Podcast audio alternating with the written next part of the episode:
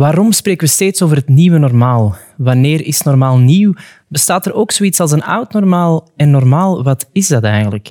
Zo mag ik dadelijk in gesprek gaan met iemand die het maar normaal vindt dat jongeren en kinderen zorgeloos mogen opgroeien tot sterke persoonlijkheden. Als CEO van Child Focus krijgt zij echter te maken met schrijnende situaties waarbij kinderen meer dan eens zwaar de dupe van zijn. Hoe zij naar kijkt, welke oplossingen zij geeft, hoe zij naar de samenleving van morgen kijkt. Dat en zoveel meer bespreek ik het komende uur met Heidi de Pauw. Doe, doe normaal. Ja, doe maar gewoon. Wie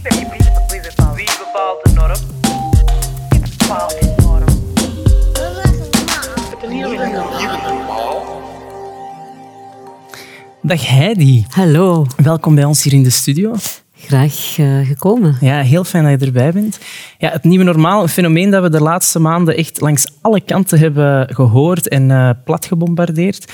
Uh, wat wij ons afvroegen eigenlijk, wanneer was de eerste keer dat jij je niet normaal voelde? Goh, ik denk dat dat um, vrij snel gebeurd is. Ik ben opgegroeid in een heel klein dorp waar um, alle hoeken van de straat ogen en oren hadden. Um, en een van de weinige uh, was, allee, van, van de kinderen eigenlijk, uh, ging ik met mijn zus naar Gent naar school. Hè, in een uniformschool. Terwijl de meesten in ons, in ons dorp met de bus naar Aalst naar school gingen. Dus dat vond ik al, al vrij niet normaal. Hè. Mm -hmm. het, het feit dat je, dat je naar zo'n strikte elitaire school ook... Mijn mama gaf daar les, dat was de reden waarom wij naar Gent naar school gingen. Dan voel je al snel een beetje buiten uh, het normaal in het dorp. Um, en ik denk dat dat de eerste keer is dat ik zoiets had van... Ja, ik wil eigenlijk langs de ene kant bij de kinderen van het dorp horen. Mm. Uh, maar doordat ik zo in een uniform naar een andere school ga, uh, ver buiten het dorp, ja, is dat niet zo. En, en dan voel je je anders. Ja, natuurlijk. Want die norm is uiteindelijk ook maar een soort meerderheid van de bevolking. Daarom dat soort nieuwe normaal... Ik heb daar persoonlijk zelf heel veel moeite mee. Want ja, voor wie geldt die norm dan ook? Absoluut. En dat hebben we ook gezien natuurlijk met... Ja, we zitten momenteel in een crisis, in de coronacrisis. Zeker. En dat hebben we ook gezien voor wie geldt die norm dan ook natuurlijk. Wel, en dat is het, hè, het nieuwe normaal. Ik heb daar een beetje moeite mee. Hè. Ja. Ik, uh, ik, ben fan van het programma Nieuwe Normaal. Maar, maar, maar wat is normaal? Ja. Hè? Uh, wat voor jou normaal is, is misschien schokkerend voor mij en, en omgekeerd. En um, ik denk dat we ook, um, ja, wat normaal is voor mij, um, leunt heel sterk aan bij gewoontes dan. Hè. Dat -hmm. wordt dan een gewoonte en old habits die hard, zeggen ze. Vandaar dat ik, dat ik niet echt geloof dat de wereld zo erg gaat verschillen na deze corona. Uh, ik denk dat we heel snel terug gaan rollen in het oude normaal, als we het zo kunnen gaan, uh, gaan noemen. We hebben dat eigenlijk al een beetje gezien in de zomer, hè, toen het werd losgelaten. We hebben het gezien uh, met de koopzondagen. Hè. Dus iedereen uh, ja, valt heel snel terug in oude gewoontes. Hè. Ja. Um, ja, wat is normaal in een snel evoluerende maatschappij? Ja, en sowieso, wat is normaal als je ook natuurlijk enkel dat kent natuurlijk. Dus ik denk dat we nu met de corona natuurlijk zijn gedwongen geweest om dat normaal dan ook weer in vraag te stellen. Ja. En of dat, dat ook wel zo normaal was natuurlijk. Die maatschappij waarin dat we allemaal Exact, en ik denk dat dat iets is dat misschien bij een aantal mensen uh, een en ander heeft wakker gemaakt. Hè? Dat we terug toch wel uh, ja, dingen zijn gaan ontdekken, wat meer rust en, en, en de natuur bijvoorbeeld. Hè? Je ziet heel veel mensen die opeens wandelen en, en, en zaken ontdekken. Maar ik vrees een beetje dat uh, als we hopelijk binnen uh, dit en een jaar dit allemaal achter de rug hebben en het vaccin er is, dat we heel snel terug in die rat race gaan zitten en dat we een beetje terug onszelf gaan voorbijlopen, daar waar we gezworen hebben tijdens de eerste lockdown dat we dat nooit meer gingen doen. Hè. Dat is een beetje zoals als een persoonlijk drama je overkomt. Hè. Iemand uit je omgeving die op heel jonge leeftijd bijvoorbeeld uh, overlijdt. Hè. Dan heel vaak zeggen de mensen, ik ga meer profiteren en het leven is te kort en ik ga en ik ga en ik ga. Ja, tot een paar weken of maanden later we terug in die gewoontes, hè, wat wij dan normaal noemen, eh, verzanden. Dus ja, ik, ik hoop dat we een aantal zaken zullen meenemen. En vooral dan de zorg voor de zorg en de aandacht voor de zorg. Ja. Ehm, ja, ik werk natuurlijk in de sociale sector en ik vind al heel lang dat hulpverleners, mensen die zorgen voor anderen, in welke context ook, hè, medisch of hulpverlening of, of wat dan ook, dat die eigenlijk een beetje stiefmoederlijk behandeld worden. Absoluut. Hè, Men vindt het maar normaal dat die lonen stukken lager liggen dan in de privé. Ik vind dat niet normaal. Hè. Ik vind, ehm, als wij een fout maken eh, in de medische sector, in de hulpverlening, wij zijn met mensen bezig. Ehm, en ik zeg het altijd, ehm, als je potjes maakt, hè, Tupperware potjes, en de rollen groene potjes van de, van de lopende band in plaats van blauwe, zal dat economisch en financieel waarschijnlijk ja, toch wel wat impact hebben. Maar wij zijn met mensenlevens bezig. En de manier waar je, waarmee je omgaat met een slachtoffer van bijvoorbeeld seksuele uitbuiting of in de medische sector, ja, dat is heel vaak bepalend voor, daarom niet op leven en dood, maar voor het verdere traject dat zo iemand gaat, eh, gaat hebben. Vandaar dat ik vind en ik hoop dat ehm, ja, het engagement niet alleen van politici, maar ook van de bevolking om eh, voor die zorg en voor die hulpverleners eh, te blijven opkomen, dat dat na de coronacrisis ook blijft. Ja, want we zien natuurlijk nu, we zitten eigenlijk terug waar dat we eigenlijk in maart zaten. Er is een tweede lockdown nu aan de gang. Dus misschien is dit dan de tweede keer dat we eigenlijk... eh, misschien leren we nu wel de les, als er al een les valt te leren natuurlijk. Ja. Het enige verschil, we zitten nu wel natuurlijk... Ja, het is herfst, de winter komt eraan. Dus dat is een heel andere lockdown dan we met de eerste keer hebben gehad. En vandaag staan we waar we eigenlijk wisten dat we gingen staan. Het is Ja. een beetje voorspeld geweest, ehm, met dat grote verschil dat de meest donkere periode, en dat weten we bijvoorbeeld bij Child Focus, dat ja, oktober, november, december, dat zijn hele donkere maanden, letterlijk, maar ook figuurlijk. Want in Heel 2020 zijn de cijfers ook gestegen. Enorm. Eh, en dat heeft natuurlijk rechtstreeks te maken met de lockdown. Hè. Wanneer wij eh, in lockdown zijn gegaan in, in België, wisten we natuurlijk al dat eh, een aantal problemen uitvergroot werden, omdat België was een van de laatste landen die in lockdown gegaan is. En we wisten dat fenomenen zoals ehm, ja, de beelden van seksueel misbruik van kinderen, hè, de kinderpornografie, dat daar een enorme eh, stijging was van vraag en dan aanbod. Hè. Helaas, eh, de regels van, eh, van de vrije markt eh, spelen ook daar. Ook wat betreft ehm foutgelopen sexting, grooming en, en dergelijke meer. Verdwijning was natuurlijk iets minder. Minder. Hè. Dus weglopers wel. En vooral dan na een paar weken merk je dat een aantal jongeren zeggen van ik heb hier allemaal genoeg van, Ehm, ik, ik loop weg. Dus dat is een beetje gestabiliseerd. Maar natuurlijk internationale kinderontvoeringen hebben we bijna niet gehad. Heel in het begin zijn nog een aantal ouders vlug naar hun land van herkomst of ergens anders naartoe getrokken met de kinderen zonder toestemming van de andere ouder. Maar vooral die seksuele uitbuiting online en natuurlijk offline, hè, want je kan geen online hebben zonder de offline, ehm, zijn enorm gestegen. Dus we hebben gezien dat in juli, half, eh, op, op zes maanden tijd eigenlijk, we evenveel eh, meldingen hebben gekregen van ehm, aantasting van de seksuele integriteit van kinderen online ehm, dan het ganse jaar 2019. Heel dramatisch, we wisten dat, want en dat is natuurlijk eh, hard om te horen, maar wij wisten dat als we kinderen opsluiten, als we kinderen verplichten om thuis te blijven, het meeste misbruik gebeurt binnen de zeer nauwe eh, kring van de omgeving van het kind. Hè, door familie, vrienden, mensen met wie zij een, eh, een vertrouwensrelatie eh, hebben. En we hebben dat ook gezien, dat dat helaas werkelijkheid is geworden. Ook intrafamiliaal geweld, hè, niet alleen tegen kinderen, maar ook tegen vrouwen en, en mannen. Dus we, we hebben gezien dat dat gebeurd is. Vandaar dat wij ons echt in de strijd hebben geworpen om de scholen open te houden, om de sportactiviteiten, hobby's, vrije tijdsbesteding zoveel mogelijk voor kinderen en jongeren te hebben. Niet alleen omdat dat goed is voor hun welzijn, voor hun ontwikkeling, maar ook omdat daar tekenen van misbruik, verwaarlozing of als iemand zich niet goed voelt, opgepikt worden. Hè. Het is op school, als het gaat over armoede, dat men ziet dat het boterhammendoosje leeg is. Hè. Als eh, achter een gevel... Dus en- meer sociale controle natuurlijk. want- Weer sociale controle, inderdaad. Hè. Een kind dat, dat, dat, dat in een hoekje zit, dan weet je dat, dat er iets mis mee is. En dat hoeft niet altijd dramatisch te zijn. Nee, Het maar daar niet kan je wel op anticiperen Maar ik kan daar inderdaad op anticiperen. Vandaar dat wij ja, pleiten om die scholen ook na twee weken nu hè, terug open te doen. Zoveel mogelijk. En als dat niet kan, om een plan te hebben waarbij outreachend wordt gewerkt. Hè, waar leerkrachten, jeugdwerkers naar de kinderen gaan. We hebben gezien dat dat in het buitenland ehm, werkt. Hè. Het, gewoon het feit dat een leerkracht eens langskomt naar de deur, is zwaait naar de kinderen en dergelijke meer. Dat heeft een soort van controlerend effect. En ik zeg het, we hoeven het niet over de meest dramatische zaken te hebben waar Child Focus dan mee te maken heeft.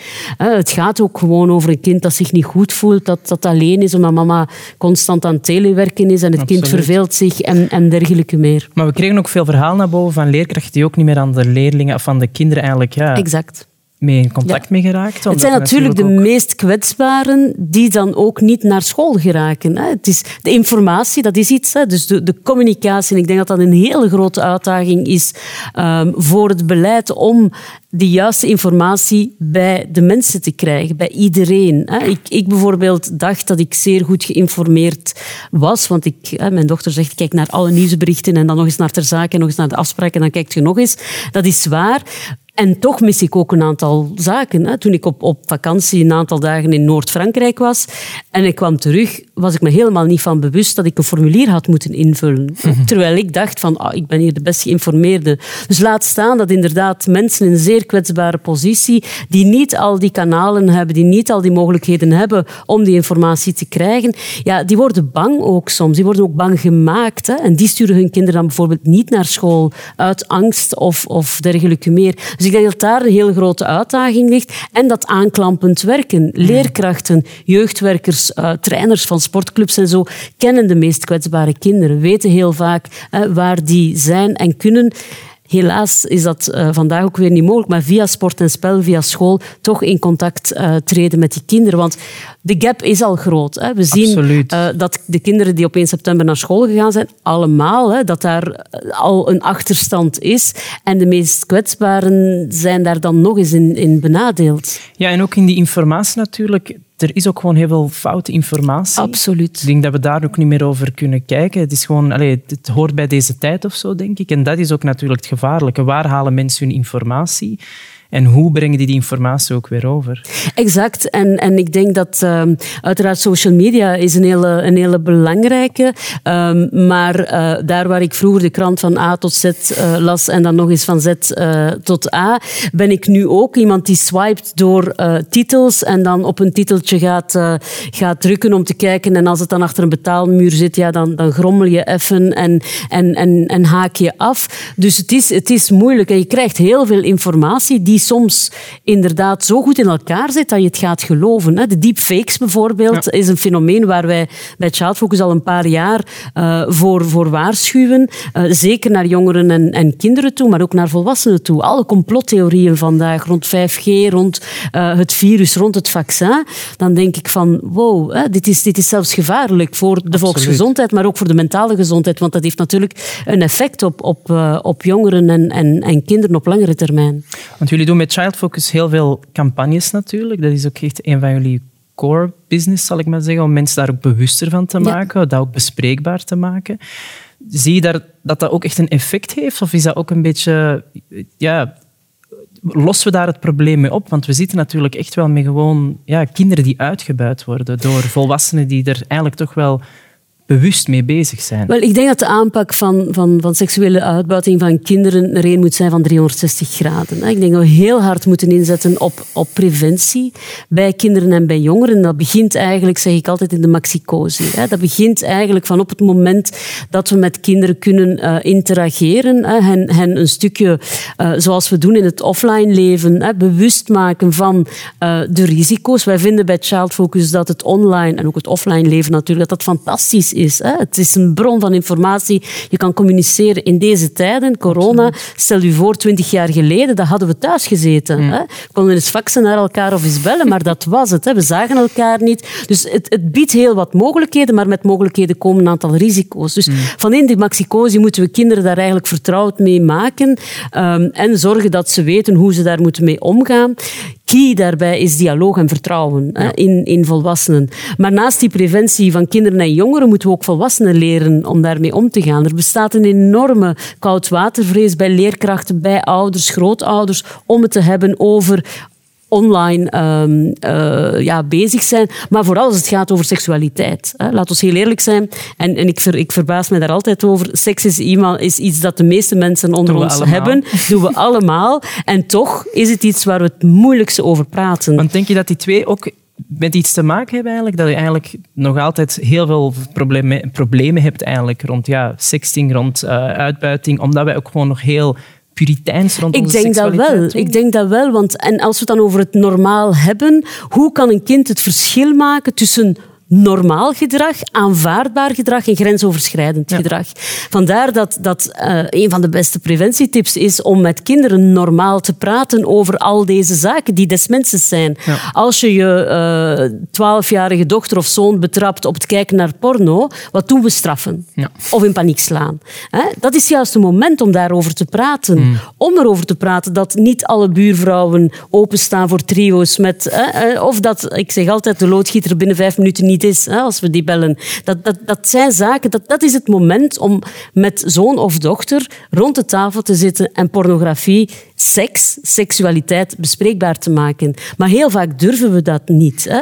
Ehm, het- ik zeg het, niemand kijkt naar porno, maar porn, Pornhub en, en, en. Newporn hebben nog In nooit de Verenigde zoveel... Staten is eh, porno de grootste business booming. Dus, Voilà, eh, dus, dus laat ons, ik, ik zeg dat ook, laat ons dat uit de taboesfeer halen. Hè. Als we over seksualiteit praten, moet je met je vijf, vijfjarig kind over alles en nee. Hè. Kinderen vragen wat hen interesseert, wat ze willen weten. Daarop moeten we antwoorden. We mogen gerust zeggen van je bent nog te jong. Ik zal u dat wel later uitleggen. Dat is helemaal geen probleem. Als je dat als ouder of volwassene zelf niet het antwoord of niet weet, hoe moet ik daar nu aan beginnen? Ja, dan zijn er websites genoeg. Hè. Je kan informatie halen. Ehm, dus ik denk dat dat heel erg belangrijk is, dat we met kinderen op een normale manier praten over seksualiteit, zodanig dat op het moment dat iets niet goed aanvoelt, dat kind ook durft bij mama, papa, een onkel, terecht. een vertrouwenspersoon gaan. Ik krijg heel vaak de vraag van op welke leeftijd hè, moet eh, de papa niet meer in, in bad gaan met, het, met, het, met de dochter bijvoorbeeld. Ja, dat hangt af van dat kind. Hè. Op het moment dat een kind zegt van kijk papa, ik vind dat niet meer fijn, ja, dan moet die papa of mama dat, dat Ja, gewoon die dat grenzen ook- bepalen. Ja, maar ik denk dat daar ook soms een moeilijkheidsgraad in zit. Enerzijds, niet alle culturen gaan bijvoorbeeld de papa mee in bad. Er zijn heel veel culturen waar dat nog heel groot taboe zelfs is. Dat is totaal niet gebeurd. En dan het grootste verschil, ik denk dat een kind ook ziet soms naar zijn ouders, vooral als, ja, dat is, dat is de wereld, dat is de zon en de maan natuurlijk. Dus dikwijls durven die ook niet zeggen van ik voel mij hier eigenlijk niet meer goed bij. Nee, en ik denk dat dat... ehm Eén, het begint bij de opvoeding. Hè? Dus ik denk dat, dat, dat het heel erg belangrijk is dat alles moet bespreekbaar zijn in een kind-volwassenen relatie. Dat hoeft niet altijd de ouder te zijn. Hè, Op een bepaalde leeftijd gaan we niet meer met mama en papa praten over bepaalde zaken. Hè? Maar het is heel erg belangrijk. Bijvoorbeeld het online eh, gebeuren. Hè? De meeste ouders, of mensen van mijn generatie en grootouders, zijn altijd in negatieve termen bezig over de smartphone, over het gamen. Altijd Absoluut. negatief. Als uw huiswerk niet gemaakt is, gaan we de wifi afzetten. Stop nu eens met op uw smartphone te zitten. We zijn altijd negatief. Eigenlijk moeten we dezelfde interesse tonen als we doen in hun offline activiteiten. Als kind, een kind terugkomt van de voetbaltraining of de balletles, dan vragen we altijd van en hoe is het geweest? Was uw vriendinnetje daar? Heb je gewonnen? Heb je gescoord? Eh, hoe is het verlopen? Was die mama of die papa daar? We tonen interesse. Ja. Eigenlijk moeten we online juist hetzelfde doen.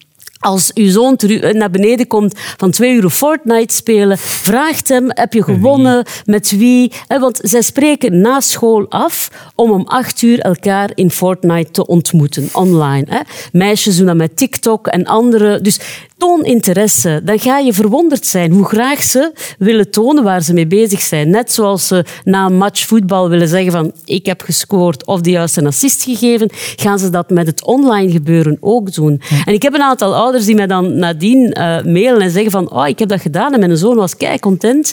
En als ze dan problemen hebben, dan durven ze ook bij jou komen. Want anders, allee, als je niet die vertrouwensband hebt en niet die dialoog eh, normaal hebt over het eh, online gebeuren en alleen negatief bezig bent over het online gedrag van je kind, ja, als er iets fout loopt, als ze benaderd worden door iemand, ja, gaat, dan gaan ze niet bij jou komen. dan gaan ze dat niet durven. Hè? Want dan gaat zij van, zie het, en ik heb het u gezegd, en je mocht geen vrienden aanvaarden die je niet kent, en, en, en, en. Die ganse heisa rond de BV's en de gelekte foto's. Mijn enige bezorgdheid was, je zal maar een 14-jarig meisje of jongen zijn die vandaag aan de ontbijttafel zit, waar mama en papa bezig zijn van die idioten en zouden dat maar niet moeten doen en dit en dat. En je hebt zelf zo'n foto naar je vriendje gestuurd.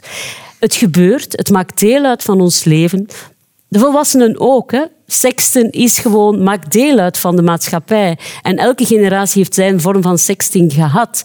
Dus ik vind het heel erg dat dan jongeren en kinderen moeten horen hoe volwassenen daar dan zo veroordelend en bijna demoniserend over... Oké, dit waren nu bekende Vlamingen, waardoor dat, dat heel erg is uitvergroot. Maar de boodschap erachter is niet van de fout ligt bij diegene die die seks stuurt, maar wel bij diegene die het vertrouwen schendt en die dan in de openbaarheid brengt. Dat was de key mes- message. Absoluut. En ik denk ook, die situatie natuurlijk hebben we weken, heeft dat de media gedomineerd en hebben we gesprekken over gehad. Maar eigenlijk hadden we het nog altijd niet over de essentie natuurlijk. Dat je gewoon, het gaat over vertrouwen en dat je die schendt. En daar gaat het over. Want uiteindelijk ook die BV's, ik bedoel, ze hadden gewoon een moment dat ze zich geil voelden en dachten van, ik stuur hier gewoon even een foto. En dat is het ook dan. Exact. We moeten er ook niet meer van gaan maken dan eigenlijk... Voilà, Dat. Daar, daar gaat het om. En ook daar weer hè, die seksualiteit. Hè. Heel veel eh, ouders die dan panikeren. Ja, mijn kind heeft dat gezien.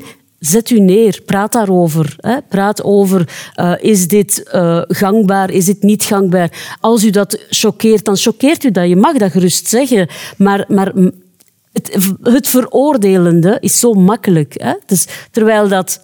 Allee, ik zeg het... We moeten eigenlijk eerst eens zelf in de spiegel kijken en zeggen van oei, zou ik daar misschien ook niet op ingegaan zijn? Dit was trouwens zeer vernuftig catfishing. Ehm, ik denk moest het aantal eh, Belgen die daar al op ingegaan zijn een appelflauw te krijgen, dat er van op dit moment niet veel meer recht staan. Absoluut. Ik denk ook dat is goed dat zoiets eigenlijk in de media komt, want er zullen meerdere mannen dat sowieso... Ik krijg zelfs ook naakte eh, piemels van mannen dat ik ook denk van, oh, daar heb ik niet achter gevraagd, maar dank u wel. Dus ik denk dat dat goed naar boven komt, want uiteindelijk is het ook, los van de schending van de privacy, dat je dat doorstuurt, zijn er ook wel mensen die dat niet zomaar mogen sturen. Snap je? exact, als je dat zo- zo'n relatie hebt en je hebt die relatie opgebouwd waarin dat je elkaar vertrouwt, dan is dat ook natuurlijk in dat consent. Dan heb je Exact. eigenlijk allebei daar toestemming voor Exact. gegeven. En, en, en het is niet de bedoeling dat inderdaad die beelden dan zomaar verspreid worden, zoals vroeger de, de foto of de Polaroid werd gegeven Ja. om er eens naar te kijken. Oké, goed. Ehm, vroeger scheurde dat en, en het was weg. Nu wordt het wel allee, verder verspreid. En dat is dramatisch voor heel wat, eh, zeker jongeren en kinderen die dan geen Absoluut. kader en geen houvast hebben. Ja, want ik weet, ik heb vorig jaar eh, bij jullie bij Child Focus, jullie hadden eh, heb je een seminar, denk ik, Ja, was het, inderdaad. heb ik eh, komen spreken. En dat ging toen echt over ja, online internet gebruiken, hoe dat jongeren daar natuurlijk ja, zelfs ja, gechanteerd werden of zelfs Exact. gewoon natuurlijk ja, ehm, werden belachelijk gemaakt op het internet, zal ik maar zeggen, doordat ze foto's van hun verdeelden. Dat vind ik dan een veel waardevoller gesprek om te hebben als maatschappij. Van oké, hoe gaan we daar iets Ja. tegen doen? Vandaar dat, dat Child Focus op dat moment ook met die BV's gezegd heeft van dit is onze rode loper. Om met onze preventie- en sensibiliseringscampagne naar buiten te komen en te zeggen van hé hey, jongeren, hey, hè, sta daarbij stil. Als je een foto krijgt ehm, van een vriend, hè, de borsten van zijn vriendinnetje, ga niet gniffelend, stop dat. Hè. Dit is niet oké. Als het niet voor jou bestemd is, want we hebben enerzijds diegene die het doorstuurt, die natuurlijk een zeer zware fout maakt, maar al diegenen die dan verder sturen of aan de zijlijn blijven gniffelend staan, zijn, zijn een stuk mee verantwoordelijk voor het in stand houden van die pesterijen, want daar gaat het eigenlijk om. En, en, en als je dan als jongere, als kind, hè, die op die foto staat, en het treft zowel jongens als meisjes, hè, want heel vaak worden de meisjes worden natuurlijk sletten genoemd. Hè. De slutshaming is, eh, slutshaming is, is, een, is een fenomeen. Bij jongens is dat wat macho-gedrag en, en dergelijke meer. Maar jongens zijn daar ook het slachtoffer van. En dat heeft echt nefaste gevolgen. We hebben al, al zelfdoding doding gehad van, van jongeren die ja, zich zo alleen en beschaamd voelen en daar met niemand durven over spreken, omdat hun foto opeens onder alle vrienden en, en op Snapchat en dergelijke verspreid wordt. En die zich daar geen raad mee weten. En dat moeten we kunnen doorbreken door iedereen op zijn verantwoordelijkheid. En vooral te zeggen tegen die jongeren, er is altijd wel iemand in uw buurt die wel wil luisteren naar jou. Absoluut, maar het is ook natuurlijk gedrag dat ze zien van volwassenen. Dat is natuurlijk ook wel hetgeen, het, het slutshamen en dan het macho-gedrag Absoluut. dat eigenlijk aangemoedigd wordt bij mannen, is ook iets dat wij gewoon onder volwassenen nog heel sterk in onze Heel maatschappij sterk. hebben. Het, het gender-related ehm, denken zit bij ons erin gebakken. Hè? Ook wanneer we gaan eh, naar preventie bijvoorbeeld van eh, verdwijning of seksuele uitbuiting. Wij zitten zo vast in clichés Mhm. dat het voor ons onmogelijk lijkt dat een volwassen vrouw een jongen van 11 jaar zou kunnen verkrachten. Hè? Dat is wel waar. En, en dat is, we gaan altijd vanuit dat het gaat om de vreemde man, liefst nog met een lange jas en met snoepjes. Dat is niet zo. Hè? We weten en we zien het ook dat het gaat om iemand vanuit zeer vertrouwde kring van het kind.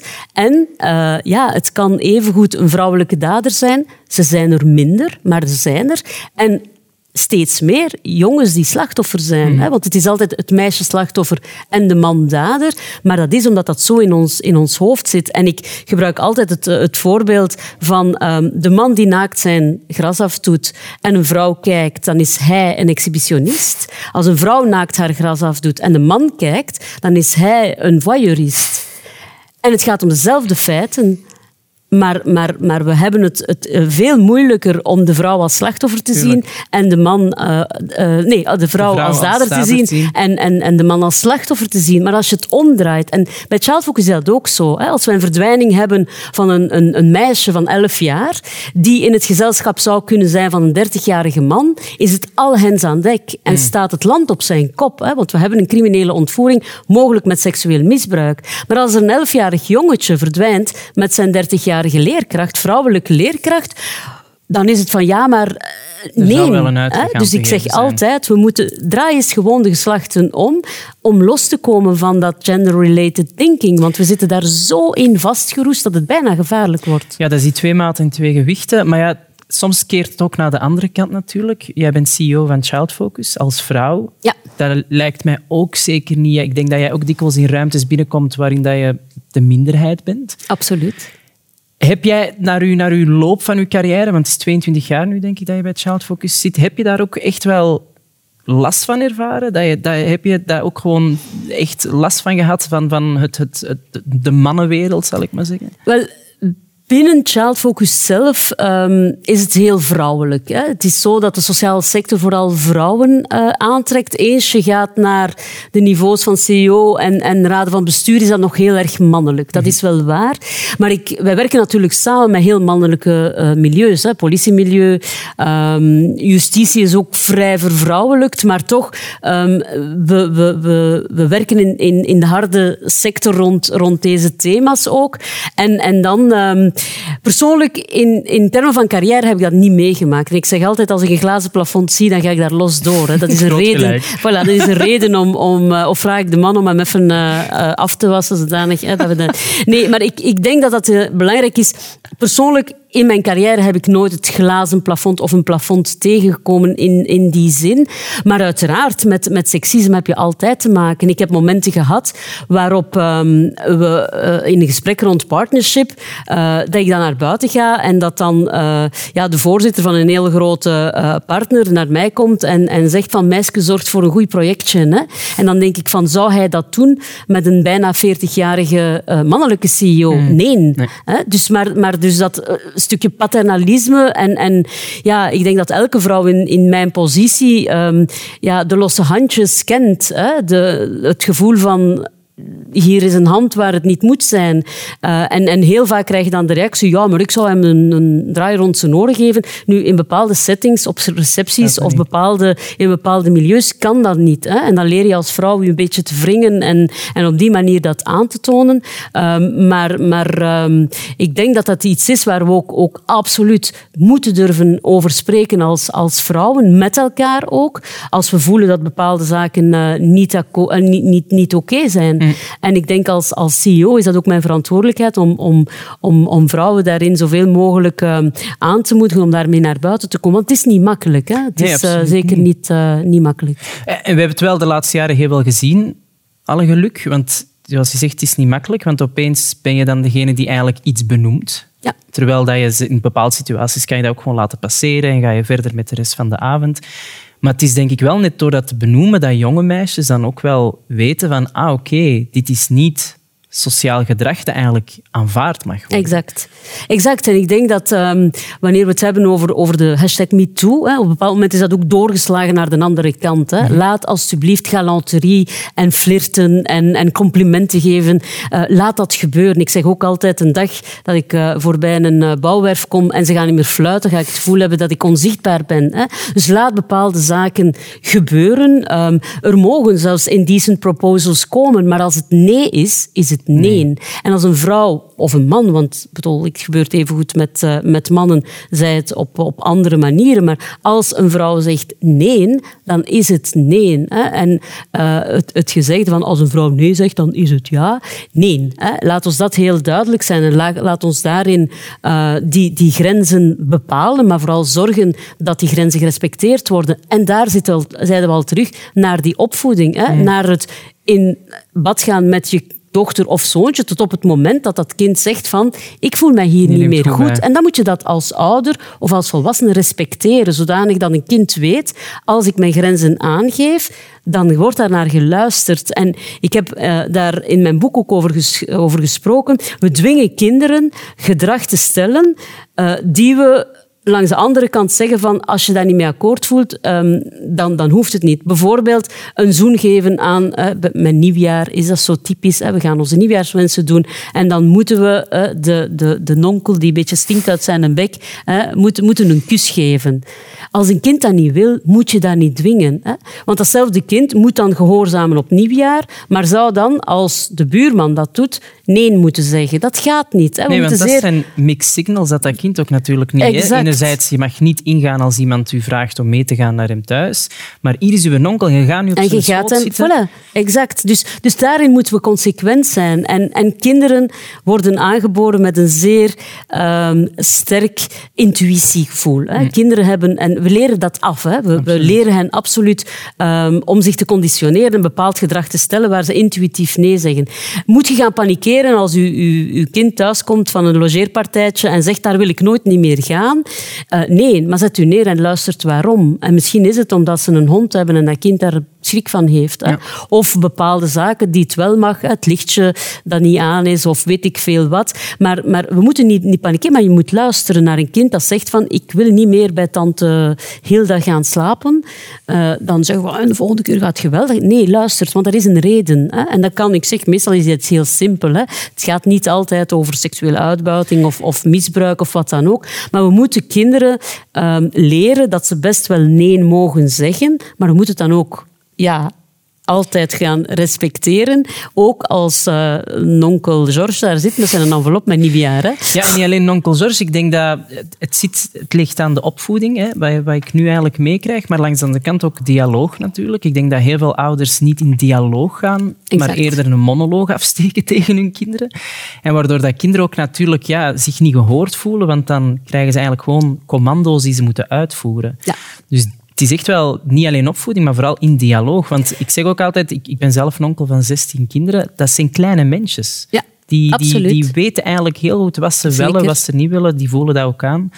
Zeker. En, en kinderen weten heel goed hoe ze zich moeten aanpassen aan ehm, een onkel of aan oma, opa. Enfin, kinderen kinderen zijn, zijn, zoals je zegt, die zijn mini... Ja, die zijn mensjes gewoon. Ze zijn zelfs niet eens mini. Hè. Ze zien er mini uit, maar, maar die, die hersentjes die, die, die werken heel erg goed. En ik denk dat we, dat we echt moeten meer luisteren naar kinderen. Maar echt luisteren. Hè. We hebben twee oren en één mond. We moeten ze proportioneel gebruiken. Want zijn kinderen nu tijdens de coronacrisis hebben genoeg geluisterd Nee. naar wat zij...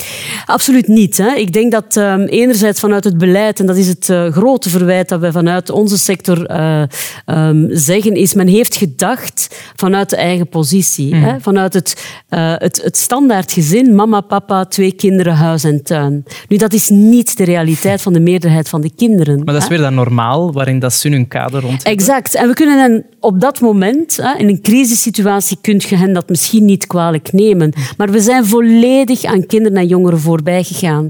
En, en, en we zitten hier in Antwerpen. Ehm, ik, ehm, ik was de, de, de burgemeester van Antwerpen heel erg dankbaar dat hij het eh, verbod op de speelpleintjes op een bepaald moment gewoon heeft teniet gedaan. Heeft gezegd van, ik stel mijn speelpleintjes open. Hè, want niet elk kind eh, heeft de mogelijkheid om, om in de tuin te spelen. Zeker niet in een stedelijke context. Zeker, zeker niet in een stedelijke context. Dus ehm, we, we, we zijn dat vergeten. Hè? We zijn echt vergeten om daarvan uit te gaan dat er kleine eh, kinderen en jongeren ook, hè, en, en, en jongvolwassenen, ehm, ja, in een appartementje opgesloten zaten. Sommige ouders hadden ook schrik. Hè? Dus het gaat niet altijd over tuin of ruimte of, of over rijk, arm eh, of, of wat dan ook. Dus ik denk dat we daar echt aan voorbij gegaan zijn. Door gewoon de scholen, alle sportactiviteiten, vrije tijd af te schaffen, hebben, zijn we eigenlijk vergeten waar het om gaat bij, bij die jongeren en kinderen. Er zijn eh, kinderen en jongeren die, die, die maandenlang geen enkel contact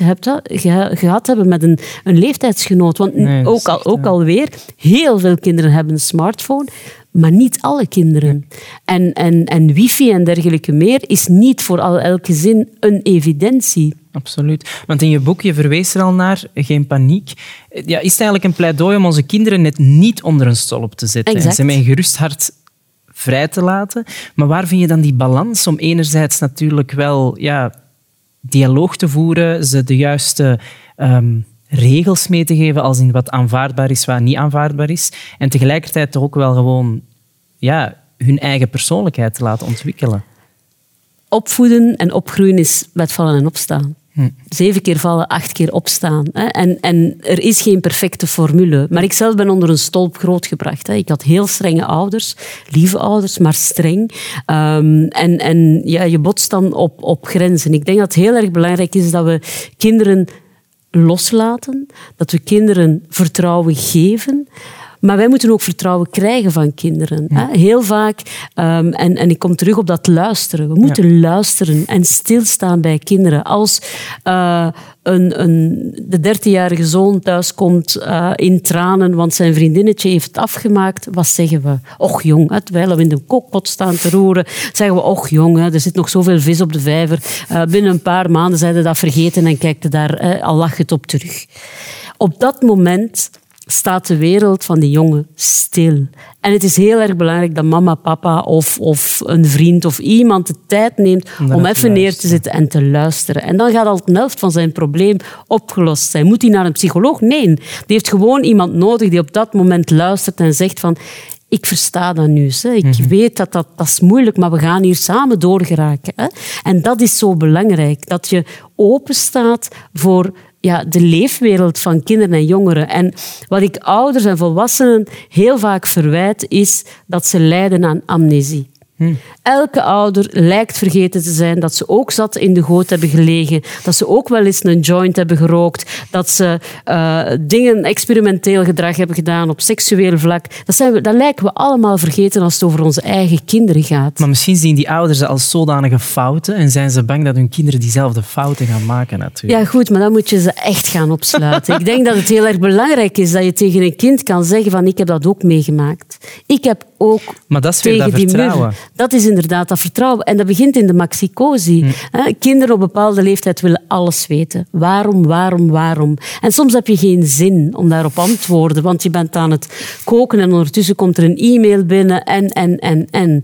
Maar je kan dan wel even op een ander moment daar, daar met kinderen over praten. En het waarom, daarom, dat werkt niet. Hè?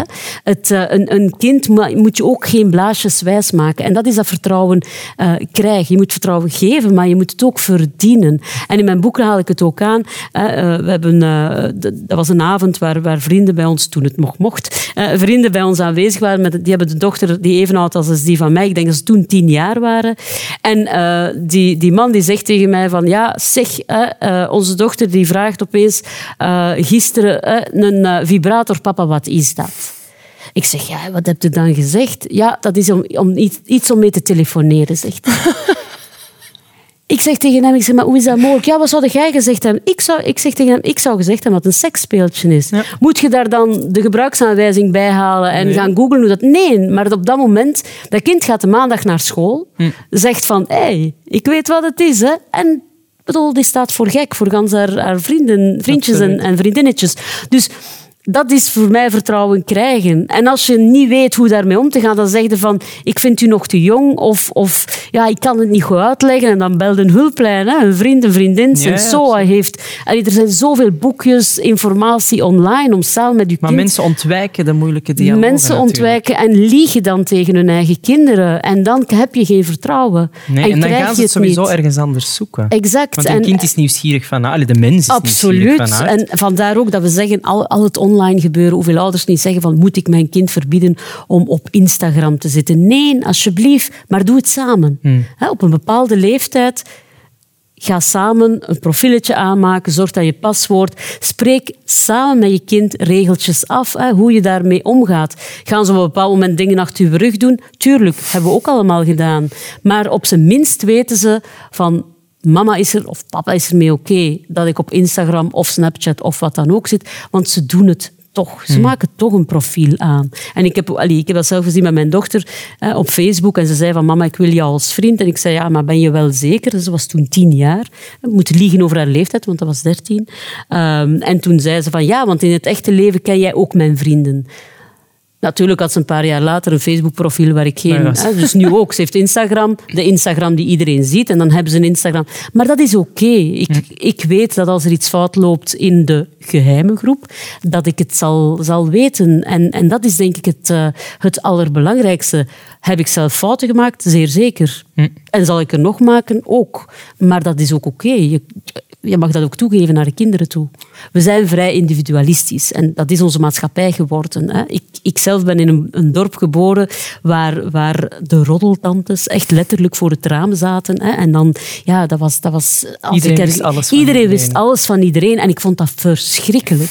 Maar in deze coronatijd heb ik zoiets van als u iets hoort bij de buren of weet dat het ergens niet goed gaat, alsjeblieft bemoei je wel. En durf je zelf niet, bel naar de wijkagent of bel naar ergens een sociale dienst van elke gemeente heeft dat, hè, zodanig dat iemand professioneel dan even kan gaan zien. Misschien is niks dramatisch en dat hoeft ook niet, Maar dan is er wel maar al dan even- is er wel ergens. Dus ik vind die, die, die sociale eh, controle mogen we in lockdowntijden en in coronatijden even uitvergroten en ons echt eens gaan moeien eh, om te zien of alles oké is. Ja, en die hebben we ook gezien, alleen niet als in, in, in controle, maar eh, tijdens de lockdown, of ik denk net na de lockdown, is er in Mortsel toen een, een eh, jongen eigenlijk ja, niet meer thuisgekomen. En daar hebben we toen in Antwerpen ook echt een- Absoluut. golf van solidariteit. Het was Zeer mooi om te prachtig zien. om te Ja. zien. Mensen die echt gewoon op de baan gingen en echt gingen zoeken. Ja. Mensen ook van alle, alle, alle lagen van onze bevolking. En dat vind ik dan wel mooi om te Ja, zien. absoluut. En, en, en we, bij Child Focus ook hadden we echt een, een gevoel van wow. Hè? Dit, is, dit is echt een, een community die ontstaat rond een vermist kind en rond dat gezin die die leegte ervaart. En dat was heel mooi om te zien.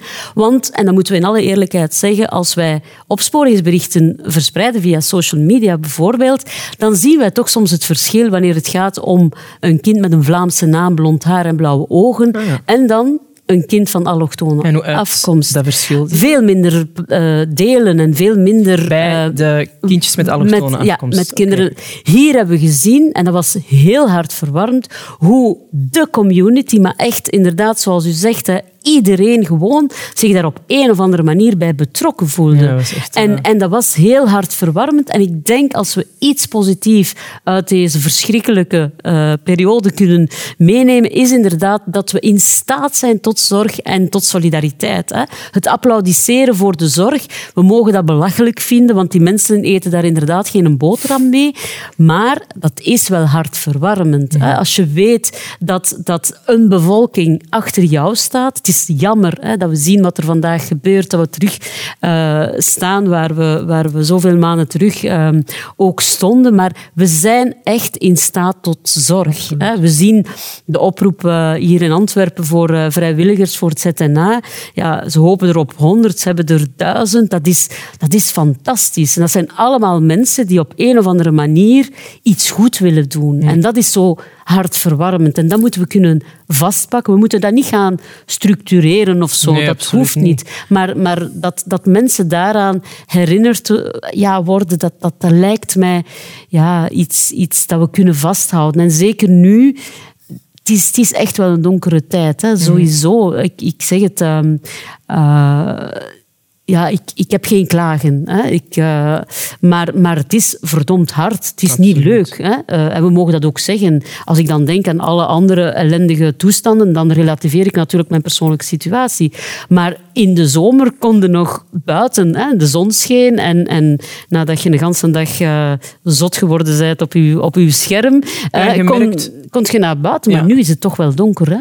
Want ook met de vermiste jongen daar, wat ik mij dan afvraag, is volgt Child Focus dat dan verder op? Want de jongen is dan terecht geraakt. Is dat ook iets dat Child Focus doet, om achteraf dan ook te zien van ja, wat is daar juist gebeurd eigenlijk? Want, Wel, elke, elke zaak is uiteraard heel individueel en heel verschillend. Hè. Wij, wij werken eigenlijk op maat van de hulpvrager. Hè. Dus eh, wil die dat, dat wij daar naartoe gaan en dergelijke meer. Maar normaal gezien bij een, een terugkeer stopt het niet voor ons. Hè. Dan gaan we kijken van oké, goed, wat ligt aan de basis van, van, van de verdwijning? Je moet weten, bij Child Focus hebben we een 2000-tal verdwijningen per jaar, waarvan ongeveer de helft weglopers zijn. Hè. Dus kinderen, jongeren, die op een of andere manier op een bepaald moment de deur van huis of voorziening waar ze geplaatst zijn, achter zich dichtslaan. Ehm, die worden heel vaak weggezet als lastpakken. Hè. Van, dat zijn probleemjongeren die Ja, hebben... ik hè, ben zelf ook eigenlijk een kind dat weggelopen is. Voilà, en dan zal u kunnen bevestigen dat je niet weggelopen bent zomaar voor de fun, maar omdat er Om iets reden u heeft ja. weggeduwd. Hè? En, en die reden proberen wij dan samen liefst met de jongeren te achterhalen om te voorkomen dat dat, dat zich herhaalt. Hè? Want we zien te vaak dat ehm, ja, hulpverlening, en alweer omdat er te weinig middelen en te weinig eh, tijd is om echt met de jongeren eh, te praten en, en na te denken, dat de jongeren gewoon ah, teruggevonden, oh, we zijn blij, we plaatsen die terug van waar die komt. Hè? Want Ja. dat is een lastige, dat is een onhandelbaar kind, dit en dat. Als je kan met de jongeren kijken van wat is de beste oplossing en, en wat verwacht je. En soms is dat niet haalbaar. Hè? Sommige jongeren zeggen van ik wil dit, maar dat gaat niet. Hè? Eh, dat, dan moet je dat kunnen eh, uitleggen. Maar ik denk dat heel veel kan opgelost worden door alweer te luisteren en samen met de jongeren te zoeken naar een oplossing voor wat hem of haar drijft. Het gaat Kinderen- ook over zelfbeschikkingsrecht. Hè? Inderdaad. Want kinderen Ja. natuurlijk weten wat ze willen studeren, maar worden langs alle kanten ook thuis en door andere mensen die ook mee opvoeden, zeker. andere kanten opgeduwd.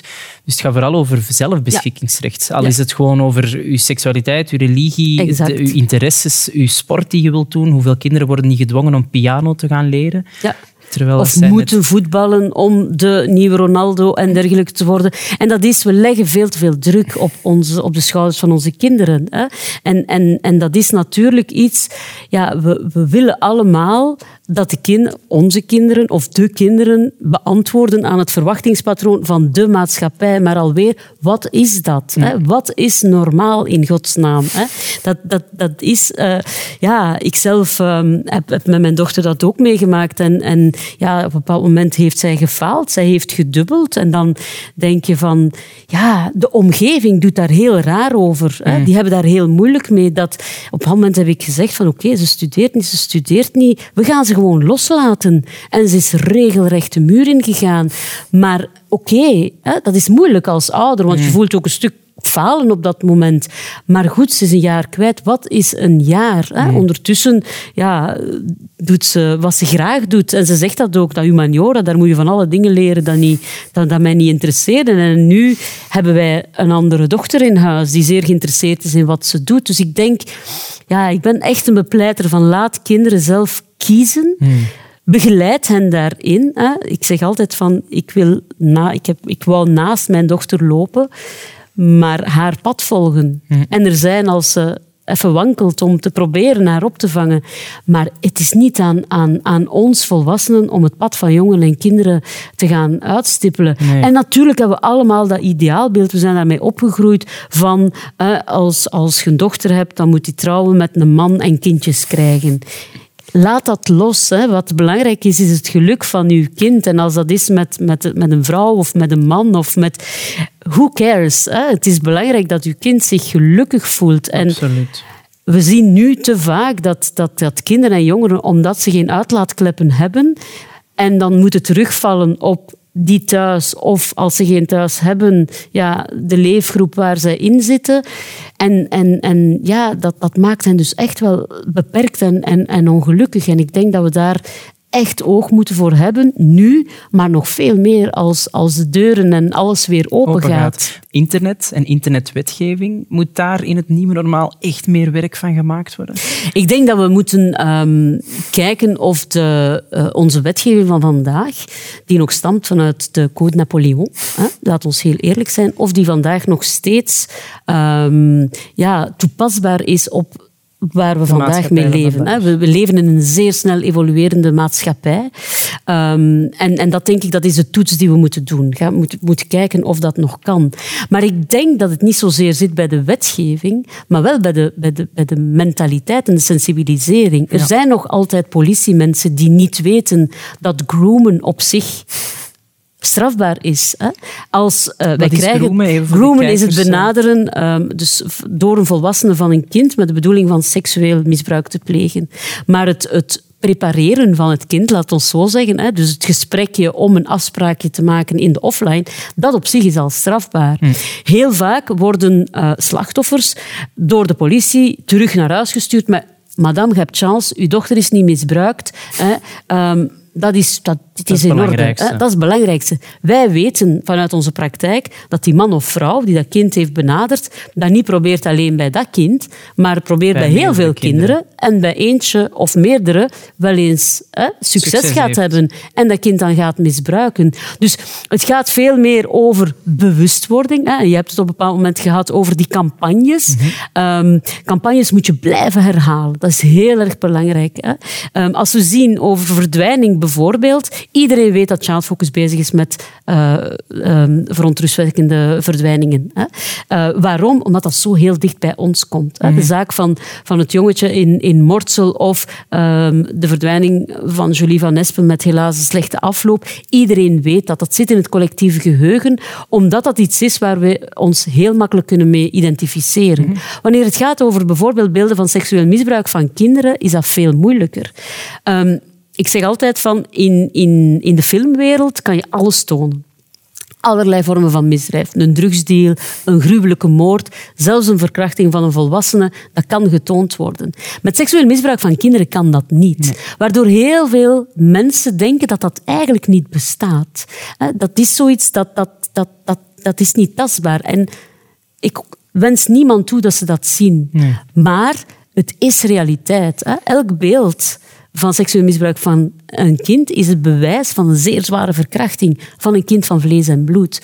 En we kunnen daar niet genoeg op, op ehm, ja, sensibiliseren en herhalen, maar mensen vergeten dat heel snel, omdat ze zich daar gelukkig niks kunnen bij voorstellen. Maar denk jij ook niet dat dat komt als ik zie in mijn omgeving hoeveel mensen, inclusief mezelf, er op een veel te jonge leeftijd in contact zijn gekomen met seks? Of dat dat nu consensual was of niet. Is dat ook misschien ook het taboe dat daar rond bestaat natuurlijk? Dat wij zelf nog niet durven spreken over onze ervaringen, waarin dat we eigenlijk ook dachten van... hmm, Dat denk is ik ook. Hè. Taboe is, is, ehm, dat moet doorbroken worden. Ja. Rond seksueel, seksualiteit in Want zijn algemeenheid. maken we van seksualiteit iets heel sacraal. En tegelijkertijd doen we er ook wel puriteins over en beginnen we te blozen als, Ja. we, als we nog maar het woord tepel of vagina horen. Absoluut. Absoluut. En, en dat Puriteinse hebben we, hebben we dus gezien met, met dat geval terug van, van die BV's. Hè. Dan, op een bepaald moment, eh, ja, ik ben, ik ben verguisd geweest, omdat ik op moment mijn nek heb uitgestoken, had ik echt het gevoel van elke Vlaming heeft één keer om de twee maanden seks met zijn kleren aan en het lichtje omdat je krijgt van alles dat je denkt van, maar wacht, dit kan niet. Hè? Dit kan niet dat in 2020 de gemiddelde Vlaming zo zijn seksualiteit beleeft. Maar we houden het inderdaad zo binnen kamers. Er wordt heel weinig gesproken over ik voelde mij niet comfortabel in die seksuele relatie met die man of met die vrouw of zo. We hebben daar inderdaad een beetje schroom over. Hoeveel mensen durven zeggen hoeveel ze echt seks hebben per week? Bijna niemand. Daar wordt altijd over zo'n beetje giechelig gedaan. En ofwel hè, de, zijn de mannen bezig van mijn vrouw heeft altijd hoofdpijn. Ofwel, hè, dus maar echt werkelijk eens praten over seksualiteit en seksbeleving of waar je zin in hebt. In relaties, hoe vaak dat je hoort dat ehm, er andere verwachtingspatronen zijn. Hè? Dat de vrouw of de man of de man, importe, één van de twee partners iets niet wil doen of niet had verwacht dat, dan denk ik van, maar hey ho, laat dat, allee, maak dat bespreekbaar. Spreekbaar. En, en vooral alweer, je moet je vijfjarigen niet alle details geven, maar op een bepaald moment is het, als, als je ziet dat je zoon of dochter een relatie aangaat, is het een moment om ervoor open te staan. Of te zeggen van, als je vragen hebt en je voelt je niet goed bij mij, dan kan je bij hè, de onkel terecht of bij Dat doen ze al en daar ben ik Ah, heel dankbaar voilà. om eigenlijk. Nee, maar dat is ook... En dat vandaar dat ik zeg dat opvoeding niet alleen een zaak is van mama en papa. Nee, opvoeding is een zaak van de ganse ehm, ja, community, van de ganse gemeenschap. Hè? It takes a village to raise a child. En dat is echt waar. En, en dat vind ik heel belangrijk. Maar haal seks uit die taboesfeer. Net zoals zwarte gedachten wel eens mogen uit de taboesfeer. Als, als we elkaar vragen, als ik vraag van, en hoe is dat? Ga je heel zo zeggen, oh, het is goed. Goed. Laat ons nu, en zeker in deze tijden, eens stilstaan met hoe gaat het nu echt met jou. Zelfdoding bijvoorbeeld. We zien, ik kan daar niet omheen, in mijn omgeving zie ik, ja, zelfdoding is gewoon aanwezig. En door corona wordt dat versterkt. Hè. Mensen verliezen hun job, mensen zien het niet meer zitten en dergelijke meer. Daar wordt veel te weinig over gepraat. Er zijn, dat weet ik zeker, jongeren die het gevoel hebben dat ze alleen zijn met die donkere gedachten. En dat is niet zo. Hè.